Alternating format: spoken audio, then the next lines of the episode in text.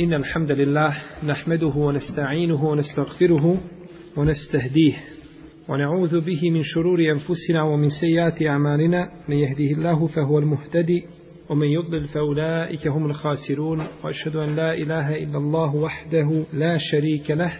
وأشهد أن محمدا عبده ونبيه ورسوله وصفيه من خلقه وخليله. أدى الأمانة وبلغ الرسالة ونصح الأمة وكشف الله تعالى به الغمة.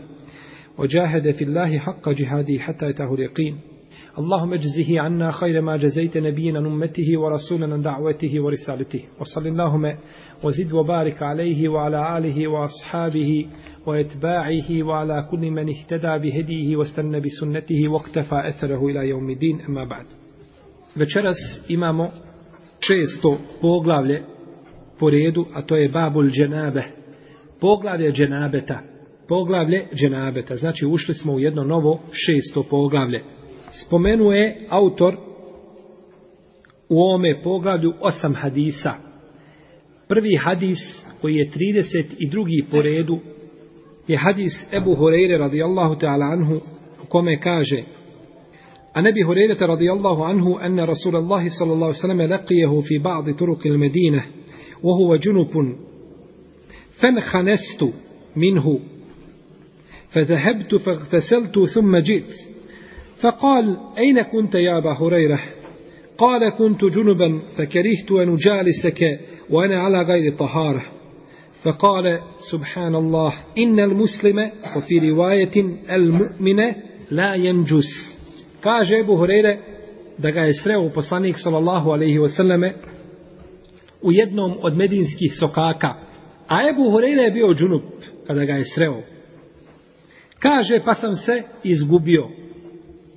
Otišao sam od poslanika sallallahu alaihi pa sam se okupao, pa sam ponovo došao. Pa je kazao, gdje si bio o Ebu Horeire? Pa sam kazao, bio sam džunup o Allahov poslaniće, a mrzio sam da sjedim s tobom dok sam džunup. Mrzio sam da budem u tvome društvu, a ja džunup. I nemam tahareta, nisam na čistoći. Pa kaže poslanik s.a.v. Subhanallah, slavljen neka je Allah, musliman, u drugoj predaji mu'min, vjernik se ne može onečistiti. O Ebu Horeiri smo govorili, o njegovoj biografiji, kazali smo neke vrline, spomenuli neke vrline, a one su zaista brojne, to je ashab koji prenosi najviše hadisa od poslanika, s.a.v. za koga je Omer kazao, zabavila je, zabavila je Omera pijaca i pljeskanje po pijaci, kupovina i prodaje dok je Ebu Hureyre slušao hadise radijallahu ta'ala anhu. Pa nam je prenio veliki broj hadisa od poslanika s.a.v. i on je imam sunneta. Imam sunneta. Ovdje u ome hadisu je spomenut dženabet. Dženabet je od riječi dženebe, što ukazuje na dalinu. Kako kaže uzvišeni, febesuret bihi an džunub, pa ga je vidjela iz daline. Pa je žena nazvala džunup zato što biva uvijek udaljena. Biva udaljena kada je džunup. Kaže dalje fenhanestu. Ova predaja i ova riječ fenhanestu ima ima osam različitih verzija kojima je prenesena. Ali su sve, sve su sličnog ili približno istog značenja. Kaže poslanik sallallahu alejhi ve selleme: "Ejne kunte, gdje si bio?" kaže. Pogledajte kako je Allahov poslanik sallallahu alejhi ve selleme lijepo se obraćao ashabima i kako je sa njima blago postupao. Gdje si bio? To je sigurno uputa poslanika sa osanem koja nama danas mnogo nedostaje. Znači lijep način ophođenja i lijepe riječi. Uzvišen je Allah te barek tela kada kaže šejtanu kaže ma meneake šta te je spriječilo kada sam ti naredio da učiniš seđudu. I ne kao zašto nisi učinio na seđudu, nego kaže šta te je spriječilo. Kao da mu traži opravdanje. Koje je to opravdanje koje te spriječilo da ne izvršiš moju naredbu?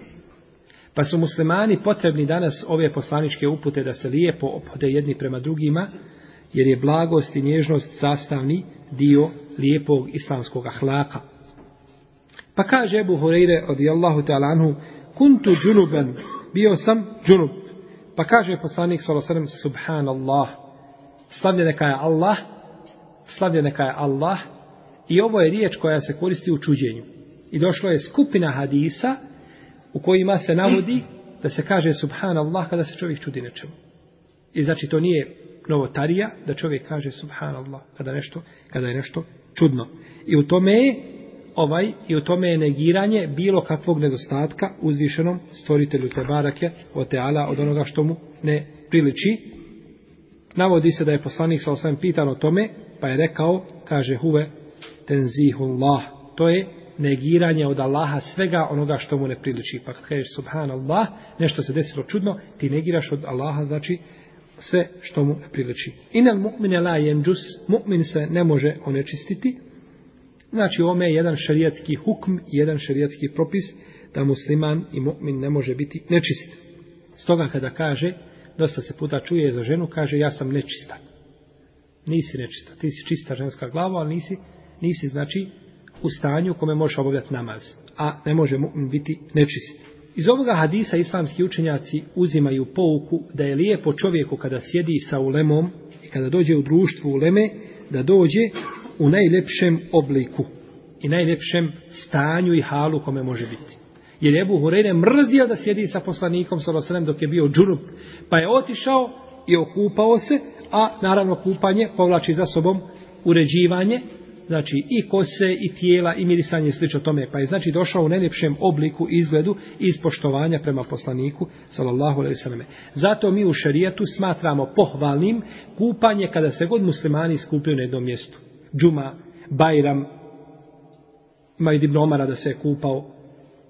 Dana refata, iako zato nemamo iz suneta argumenta jasnog, ali kaže ulema lijepo je zato što je to okupljanje muslimana na jednom mjestu. Pa je čovjeku lijepo da ne uznemirava svoju braću muslimane, znači neprijatnim mirisom svoga tijela, pa mu je lijepo znači da se okupa. Kažu isto islamski učenjaci, ako je čovjeku lijepo da u društvu uleme i učenih ljudi bude znači okupan i u lijepom stanju, onda je preče da znači ukloni sve one neprijatnosti sa svoga tijela sa kojima smo ogovorili znači u prethodnom u prethodnom hadisu i da znači održe svoje nokte jer je to sigurno potpunije i čišće u jednom takvom društvu. Isto tako kažu učenjaci ome hadisu je dokaz da čovjek koga neko slijedi ili koga poučava, kada vidi nešto kod toga čovjeka čudno, da mu je dozvoljeno da ga pita gdje si bio, šta si radio, zbog čega i tako. Pa ako vidi stvar koja nije na svome mjestu, da mu ukaže na tu stvar. Da Allahov poslanik, sallam, nije kojim slučajem upitao Hureyru, kako bismo mi znali da se mu'min ne može onečistiti? Da nije nečist. Pa je to pitanje imalo veliki rezultat. Tako i čovjek upita čovjeka gdje si bio, šta si to uradio, kako si postupio, kaže tako i tako, i onda mu kaže što je ispravno, to je pohvalno, lijepo si uradio, ili mu kažeš, to je suprotno sunetu poslanika sa osanem, učini ovako i ovako, to ti je preče i to ti je, i to ti je bolje. U ome hadisu isto tako ima argument da je dozvoljeno čovjeku da odgodi svoje kupanje. Ako biva džunup, Pa nakon toga okasti malo sa kupanjem. Okasti malo sa kupanjem, to mu je dozvoljeno. Došla je jedino naredba da se abdesti, o čemu ćemo govoriti u narednim hadisima. Naredna dva hadisa, posebno u drugom hadisu, iza toga ćemo govoriti o tim propisima čovjeka koji je džunup, šta da postupi i šta da uradi, šta mu je dozvoljeno u tome stanju da čini, šta mu nije dozvoljeno, kada se treba abdesti slično tome, to mi će govoriti šalo narednim hadisima. Ovo nam isto tako ukazuje ovaj hadis na neosnovanost mišljenja da čovjek kada iziđe džunup napolje da se zemlja potrese. Tako govore neke neznalice koje ljudima izdaju fetve kažu kada čovjek iziđe džunup na cestu sva se zemlja zatrese. Glava ti se zatresla. Ebu Hureyre je izišao i sreo poslanika s.a.v. i upitao ga gdje si bio, kaže bio sam džunup, pa mu nije rekao, nije mu rekao, e zemlja se potresla. Nego mu je rekao, Mu'min se ne može onečistiti. Još mu samo da kaže što nisi sjedio u mome društvu i dalje. Pa je to znači dozvoljeno do vremena dok čovjek ne mora da se kupa, bilo da se radi da, znači da klanja, da tavafi i slično, i slično tome, da uči Kur'an i slično tome. Ovaj hadis je jedan veliki oslonac, jedan veliki temelj u pogledu taharata i čistoće mu'mina, da je čovjek čist, mu'min živ i mrtav. Što se tiče živog mu'mina, on je čist po konsensusu leme. Niko nije kazao da je nečist. A što se tiče mrtvog čovjeka, tu ima razilaženje. Ispravno je da je čist. Ispravno je da je mrtav čovjek musliman čist. U hadisu, e, u predaji koju bliži Buharija od Ibnu Abbasa navodi se da je rekao el muslimu la jenđus hajjen wa namejita. Musliman se ne može onečistiti ni živ, ni mrtav. I ovo se prenosi u predaj koji bliži Hakim u svome Mustedre koji smatra je vjerodostanom oni Zehebi, da je poslanik sa osvijem rekao vaši mrtvi nisu nečisti muslimani, ni živi, ni mrtvi. Pa je to znači, to su ispravne predaje i kaže Hafil Din da ova predaja odgovara šartima vjerodostojnog hadisa. Čisti. Čak dijete koje bi žena rodila i iziđe i dođe do njega nešto od vlažnosti koje se nalazi znači od žene u jednom stidnom mjestu i pri izlasku nakon toga to je dijete, to je dijete čisto. I to je dijete čak čisto. Znači koje se samo rodi prije nego što se znači okupa. Što se tiče kafira, nevjernika, njegovog tahareta, njehov taharet je pitanje tahareta muslimana. Oni su isto tako, oni su isto tako čisti i to je mezheb džumhura, većine islamskih učenjaka iz prvih i potonjih generacija, da je kafir isto čist. Da je čist. A riječ je Allaha te barake wa ta'ala innemel mušrikune neđes mušrici su nečist. Misli se na nečist etikada i vjerovanja i vjere. Ne misli se na nečist tijela. Tako kad bi se čovjek rukovao sa mušrikom ili nevjernikom, ha, ne nevjernicom, nego nevjernikom, nevjernicom je haram da se rukuje, ne bi morao prati ruke nakon toga. Ne bi morao prati ruke nakon toga jer oni nisu, jer oni nisu nečisti. Neki učenjaci zahirijske pravne škole na osnovu ovoga ajeta smatraju da su oni nečisti i da je to ova ne simbolična nego stvarna nečistoća. No, međutim, to je mišljenje slabo, to je slabo kod islamskih učenjaka. Čak islamski učenjaci kažu da je znoj i pljuvačka kjafira da su čisti. Znoj i pljuvačka kjafira da su čisti. Subhanallah, kako islamski učenjaci nisu ostali ništa o čemu bi čovjek mogao pomisliti da nisu govorili. Ko će sjetiti o tome je li pljuvačka kjafira čista ili nečista. Ali ni to nam nisu ostavili, sve su nam pojasnili i sve su nam to lijepo obrazložili. Pa je dozvoljeno čovjeku da klanja u njihovoj odjeći da uzme, na primjer, kaput od kjafire, da klanja ne smeta košulju njegovu koja je došla i znoj njegov koji je došao na košulj, može u njoj klanjati.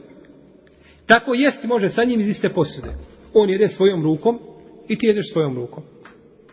A jedino što njima bi se možda naredilo da operu ruke prije jela, jer je poznato da oni ne peru ruke kada a, diraju nekakvu nečistoću ili kada odlaze u klozet i tako dalje. Poznato je da većina njih iz svoje prevelike kulture ne peru ruke, pa naredilo bi mu se da opere ruke. No međutim, ako bi jeo čovjek sa njim, to se ne smatra nečisto, njegove ruke su čiste i može znači slobodno, može slobodno znači to jesti. Jedino Ibn Hazm u svome dijelu Muhalla, u prvom tomu na 129. stranici, je smatrao da je znoj kjafira nečist. Pozivajući se na prethodni ajet. Ali, kažemo, ispravno je mišljenje da je znoj njegov čist. Ibnul Arabi, El Maliki Ibnul Arabi, kad kažemo Ibnul Arabi, to je jedan poznati malikijski pravnik, koji ima svoj, svoje djelo Ahkamul Kur'an i svoje djelo Aridatul Ahvazi i druga djela. On nije onaj Ibnu Arabi, onaj Sufija, koga su protekfirili mnogi učenjaci. Pa kažemo Ibnul Arabi, taj pohvalan islamski učenjak i veliki pravnik i mufesir. On je prenio konsensus učenjaka da je šehid čist nakon smrti. Da je šehid čist nakon smrti, da tu nema razilaženja, jer po pitanju to će mu'mina nakon smrti postoji šta? Razilaženje. No međutim, on kaže, pored toga što postoji razilaženje, šehidi su čisti. No međutim, poznato isto da tijela poslanika ne jedu, ne jede zemlja, pa su njeva tijela preča da budu čista, jer su poslanici, vjerovjesnici, iznad koga? Iznad šehida, bez sumnje. Oni su najveći šehidi i najveći borci za Allahu te barake o teala vjeru. Ovim hadisom Imam Malik je dokazivao da je mekruh ženiti kršćanke. Da je mekruh ženiti kršćanke. Zato kaže, kaže poslanik sa osanem, innel mu'mine la jenđus. Musliman se ne može onečistiti. Što znači da se ne musliman šta? Može onečistiti. Ovo se zove mefhumul muhalefe u šarijetu. Mefhumul muhalefe, a princip suprotnog razumijevanja. Princip suprotnog razumijevanja kada se kaže nešto, ako je nešto suprotno tome, znači ovaj da se drugačije razumije. Kada kažemo, na primjer, kako je tvoj sin u školi, kažeš, e, ove je godine prošao. Što znači da je prošle? Taj princip suprotnog razumijevanja u šerijatu nema jako vrijednost.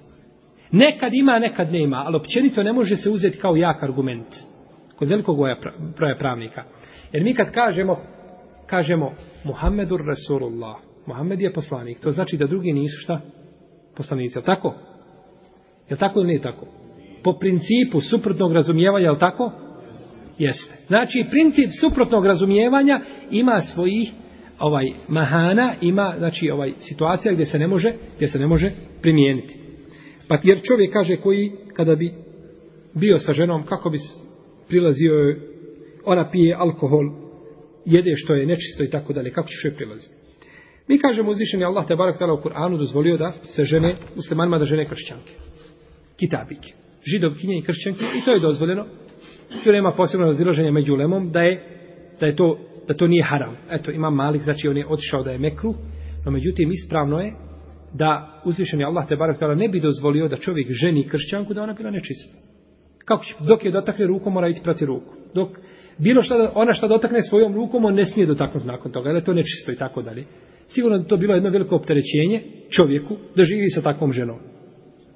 I onda da čovjek dođe i da dotakne nešto što je nečisto. To mu se samo po sebi gadi, jer se nečisti gade, tako da E, to mišljenje nema jakog oslonca i nije jako, pored toga što je rekao najveći, jer je jedan najvećih imama ovoga ummeta, mi kažemo, ono što je došlo u Kur'anu i hadisima poslanika, sa osam, to je preče da se slijedi, tako da je dozvoljeno, no međutim, preče je čovjeku, mnogi pitaju i kažu, je dozvoljeno ženiti kršćanku, mi kažemo, jeste. To je mubah, to je dozvoljeno, ali znaj da neš proći bez grijeha. Znači, nije grije, sam ugovor nije grije, ali ti neš proći bez grijeha. Jer ko ti odgaja dijete? Žena koja ne vjeruje ni u Allaha ni u poslanika. I ona će tvoju djecu odgojiti na Kur'anu i na sunnet, Boga mi neće. Da ti ostavi ni na čemu, bio bi sretan. Odgajaći na onome na čemu je ona ponekako, ona se nekakvog bontona drži i nečega se drži u nešto vjeruje. E, u to će ga pozivati na tim principima i temeljima će ga odgajati, pa čovjek ne može proći bez grijeha. Ne zbog ugovora, nego zbog posljedica tog ugovora. Znači, s te strane, a nikako, strane znači da je njoj zabranjeno ženiti ili mekru, ispravno da je to dozvoljeno. Allahu ta'ala alam, wa sallallahu ala nebina Muhammed, wa ala alihi wa sahabi ajma'in, wa jazakum.